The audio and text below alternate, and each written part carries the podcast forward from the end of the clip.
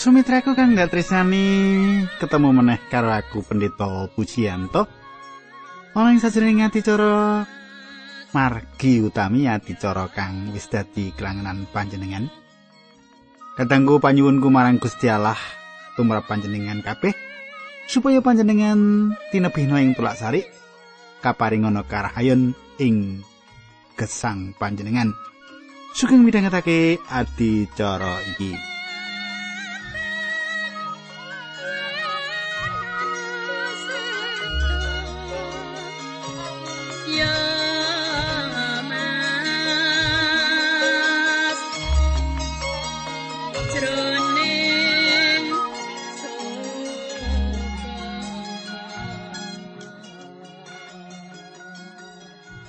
Kadangku kang dak tresnani, tak suwun panjenengan isih kelingan apa kang dak aturake marang panjenengan ing patemon kita kepungkur.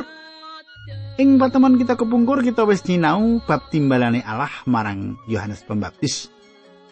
Kanthi khotbahe Yohanes giring Israel urip meratobat marang Allah. Akeh sing padha kasengsem khotbahe banjur kepiye sepanjure? Monggo kita tetunggu dhisik sadurunge tak terusake. Duh Kanjeng Rama ingkang adhedhampar wonten kraton ing kasuwargan. Kawula ngaturaken gunging panuwun menawi wekdal menika kawula saged tetunggilan kalian sedherek kawula ingkang setya tuhu midhangetaken adicara menika. Kawula nyuwun berkah paduka, kawula nyuwun paduka jebati kawula tumrap sedherek kawula ingkang samenika ngadepi permasalahan ingkang awrat supados Gusti piyambak mitulungi saged udar saking permasalahanipun. Dinambaran asmanipun Gusti Kawulo Yesus Kristus kawula netunggal haleluya. Amin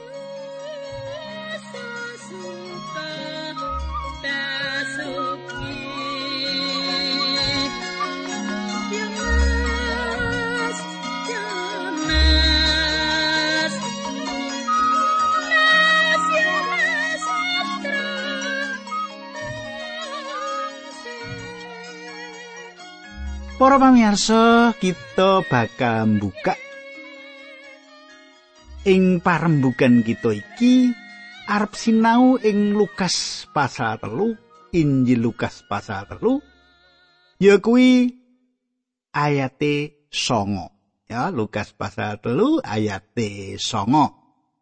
Aku nggunakake basa pedinan, dadi panjenengan iso semak ana kitab suci panjenengan.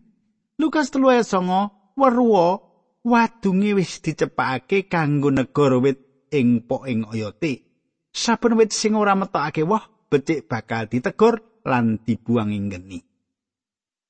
Mangkono surasane Lukas telu ayat songo. Sumitraku ing jaman iku. Yen ana wit sing ora metu wohe, sing ora ngetokke woh, sing ora ngasilake banjur ditegur lan diobong. Kanggo apa? Kanggo kayu bakar, kayu obongan. Apa sing dikutbahke Yohanes iki jelas lan tegas, cetha lan tegas. Yohanes ora tau ngutbahake bab katresnane Allah sing nebus dosane manungsa. Isi khotbah bab hukuman sing bakal ditindakake dening Allah. Bab iki kaya sing didhawuhake Allah marang kita ing jaman iki. Pahukuman bakal inggal ditindakake. Pahukuman inggal bakal ditompo. Saiki Lukas telu ayat 10 nganti 11. Wong akeh mau nuli padha takon marang Nabi Yohanes menawi makaten lajeng menapa ingkang kedah sami kula lampahi. Pangsulane Nabi Yohanes, sapa sing duwe klambi loro sing siji kudu diwenehake marang sing ora duwe klambi, sapa sing duwe pangan kudu menehi pangan marang sing ora duwe. Sumitraku, kanthi pangandikan kang kita semak bebarengan iki. Mratelake manawa bangsa Israel uripe mung mentingake diri pribadine dhewe wae. Ora mikir wong liya mbuh wong liya mangan mbuh wong liya ora nyandang ora dadi pikirane bangsa iki. Awit yen ora mengkono Yohanes pembaptis ora bakal ngendikan sing sapa duwe klambi loro sing siji kudu diwenehke marang sing ora duwe klambi sapa sing duwe pangan kudu mene pangan marang sing ora duwe Yohanes ora bakal ngendikan sing kaya mengkono? Yen mengkono kanthi pangandikan iki uripe bangsa Israel ora dadi berkah kanggo bangsa liya, kanggo wong liya. Ora ngedomake apa-apa sing diparingake Allah marang dheweke monggone dhewe nggon-nggonku dhewe banda-bandaku dhewe nek kowe arep mlarat-mlarat to nek kowe arep kaliren kalirono kadangku Nabi Yohanes martake sapa sing duwe klambi loro sing siji kudu diwenehake marang sing ora duwe klambi sapa sing duwe pangan kudu mene pangan marang sing ora duwe Katanggu saiki diterusake Lukas telu ayat rolas nganti ayat rolas. Pegawe-pegawe pajak uga padha marani Nabi Yohanes nyuwun dibaptis wong mau padha matur marang Nabi Yohanes mengkene guru kula kedah sami nglampahi menapa. Wong Nabi Yohanes aja padha narik pajak ngluwi saka sing wis ditetepake. Kadangku para pegawai pajak sing tukang njaluki dhuwit.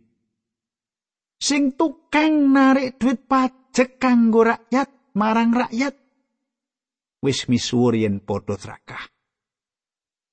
Ing dina iku teka ing ngarepe Yohanes lan takon, "Apa sing kudu ditindakake?" Wong-wong sing gaweane narik pajak rumangsa emeng. Ngelingi apa sing ditindakake? Ngelingi kaluputan kaluputane mulo padha takon guru kula kedah sami nglampahi menapa. Kadangku coba dikataake Lukas 3 ayat 14 Uga para prajurit padha nyuwun pirsa lah kula guru kula kedah nglampahi menapa? Wangsulane Nabi Yohanes aja padha sapa wae lan aja ngrampas utawa ndak wong sing ora sak beneri cukup ora cukup uripa saka pametumu dewi. Wah! Nyemak apa sing dingendikake Nabi Yohanes iki? Iki sawijining pitutur sing apik. Sawijining pitutur cocok karo kahanan saben dina. Yen panjenengan dadi prajurit. Dadi prajurit sing Kristen dadi prajurit sing mbuktekake nuduhake yen panjenengan iki pandhereke Sang Kristus. Yen panjenengan sawijining ibu dadi ibu Kristen sing saben dina bisa dirasakake dening wong akeh. Ing Injil Matius dipratelake saka wae kita bisa ngerti witi. Saka carane urip kita ngerti sapa to kita sak beneri. Awit saka iku kadangku ngati-ati panjenengan urip iki dadio srana berkah kanggo wong liya. Pitutur Yohanes pitutur Nabi Yohanes iki apik kanggo kita sapa wae? Aja padha meres. Sapa wae? Aja padha ngrampas. Sapa wae?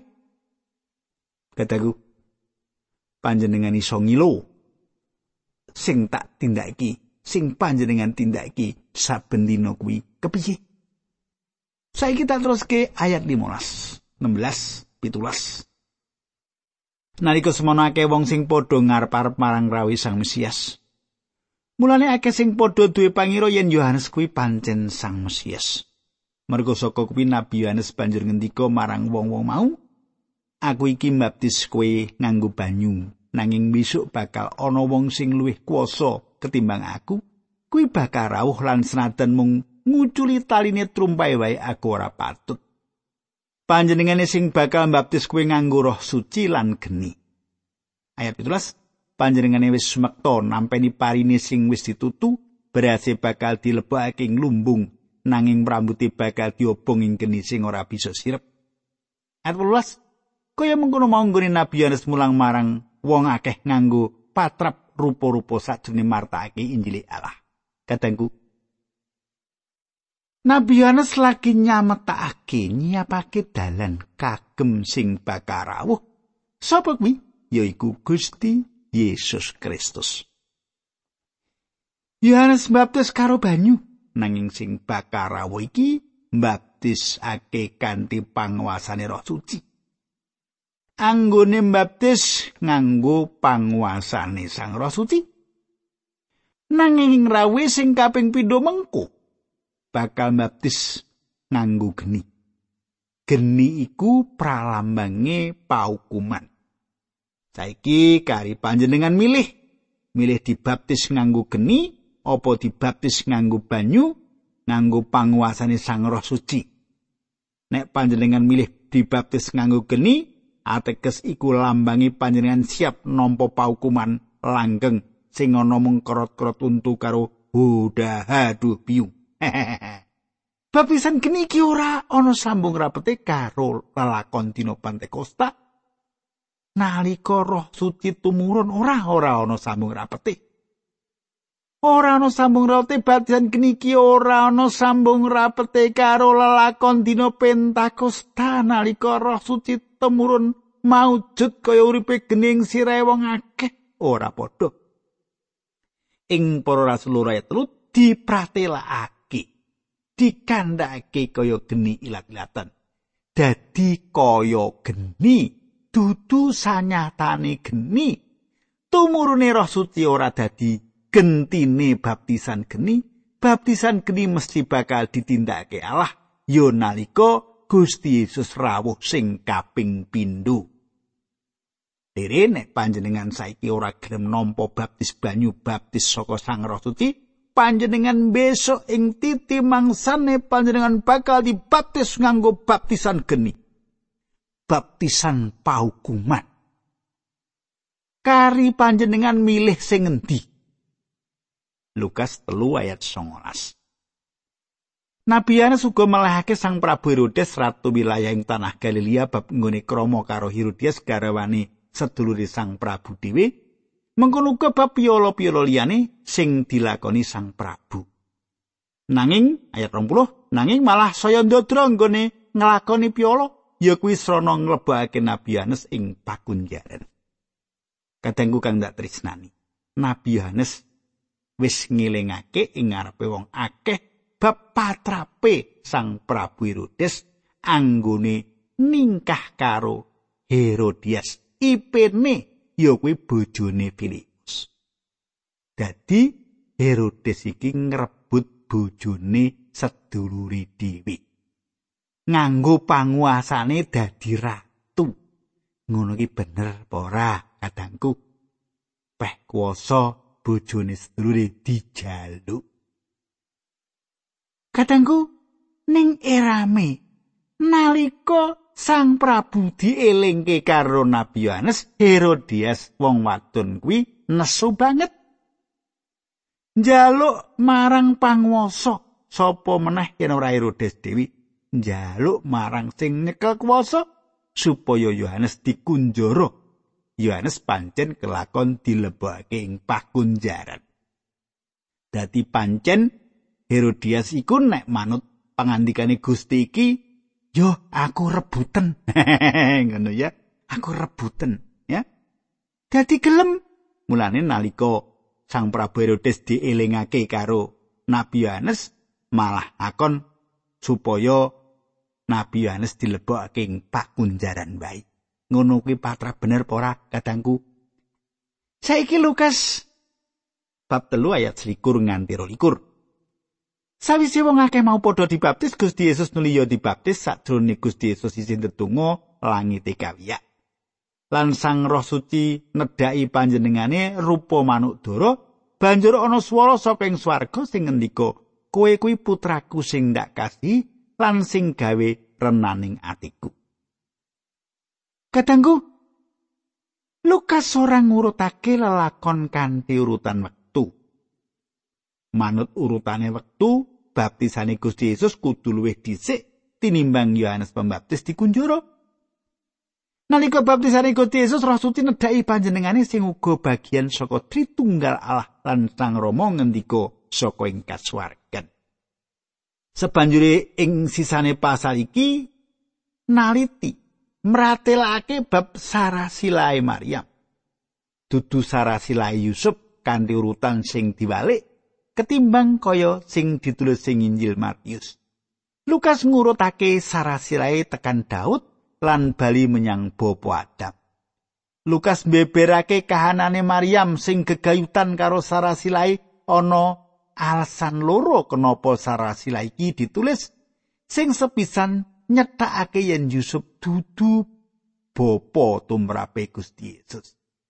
Nyetakake yen Yusuf kuwi dudu bapake Gusti Yesus. Lukas telu ayat likur Nalika Gusti Yesus miwiti pakaryane yuswane kira-kira telung puluh tahun wong padha ngarani panjenengane kuwi anak Yusuf ya kuwi anake Eli. Alih basane tembung anak ana ing sarasira iku ora pas. Yusuf dudu anake Eli. Tembung anak iki kanggo njelasake yen isih ana ing garis keturunane bapa secara manungsa sing dadi kepala somai. Yen ing Injil Matius sarasilae digawe saka garise Yusuf ing kono ditulis yen Yakub iku bapakne Yusuf. Saiki ayat 31 anake Meleo, anake Mina, anake Metoto, anake Nathan, anake Daud. Sing angka loro Alasane Lukas kanggo nelusuri garis keturunane Gusti Yesus lantaran Nathan anake lanang Daud. Maria uga isih trae Daud, Yesus putrane Daud, Lukas mbeberake yen Gusti Yesus Kristus iki putrane Allah lan juru wilujenge jagat. Garis trah ora mandek mung tekan Bapa Abraham wae, nanging nganti tekan Bapa Adam sing dadi putra barepe Allah. Manungsa kawitan sing diciptakake. Adam mlorot derajate jalaran tumiba ing dosa. Yesus Kristus sing uga kena diculi Adam sing pungkasan nganti manungsa balik marang Allah sing wis ilang sesambungane jalan dosane bapa Adam. Sesambungan karo Allah bakal pulih kanthi percaya marang sapa? Percaya marang Gusti Yesus Kristus putrane Allah. Sawise keterangan iki kita bakal miwiti pasal papat Injil Lukas. Ing pasal iki Lukas arep nyetakake pacoban sing diadepi dening Gusti Yesus. Pacuban iki ana telu tingkatane sing angka pisan iblis nyuwun supaya Gusti Yesus watu didadekke roti kanggo nyukupi kabutuhane jasmani. Roti iku uga salah siji sumber kanggo urip. Badan merlokake roti lan nalika semono Gusti Yesus lagi luwe. Banjur apa sing salah sing disuwun dening iblis marang Gusti Yesus? kanthi panguwasa sing hebat lan mung kanggo kepentingane dhewe ateges mentingake pribadine dhewe iki pancen cengkah lelawanan karo paugerane paham materialistik sing mentingake kederbian rupa materi barang-barang apa wae urip mung kanggo ngujo kekarepane nepsu badani loro iblis nawakake bangsa-bangsa ing donya iki ing ngarsane Gusti Yesus bangsa-bangsa ing bumi iki padha ngegem panguwasa kanthi cara sing brutal, sing kejem malah kanthi ancaman intrik politik, malah perang iku kaya dene kletikan ing wayah sore, kaya dene kasenengan, kaya dene hobi. Rasa sengitan kuatir dinggo mecuti wong-wong supaya duwe motivasi kanggo menangake ambisine para pemimpin. Iki saka pangreka dayane iblis ya kahanan iki sing ditawakake ing ngarsane Gusti Yesus Kristus. Telu, iblis atur panyoba supaya panjenengane kersa mlumpat saka hubungan bait suci. Katone patoban iki yen dilakoni kaya urutane sing klebu nalar supaya Gusti Yesus dikenal misuwur kepribadian misine dening donya. Nanging Gusti Yesus ora kersa kanthi cara sing gampang nuli bisa ngranggeh kamulyan sing ora sak mestine. Panjenengane kudu ngagem makutha ri sadurunge ngagem makutha kamulyan. Lukas papat ayat siji.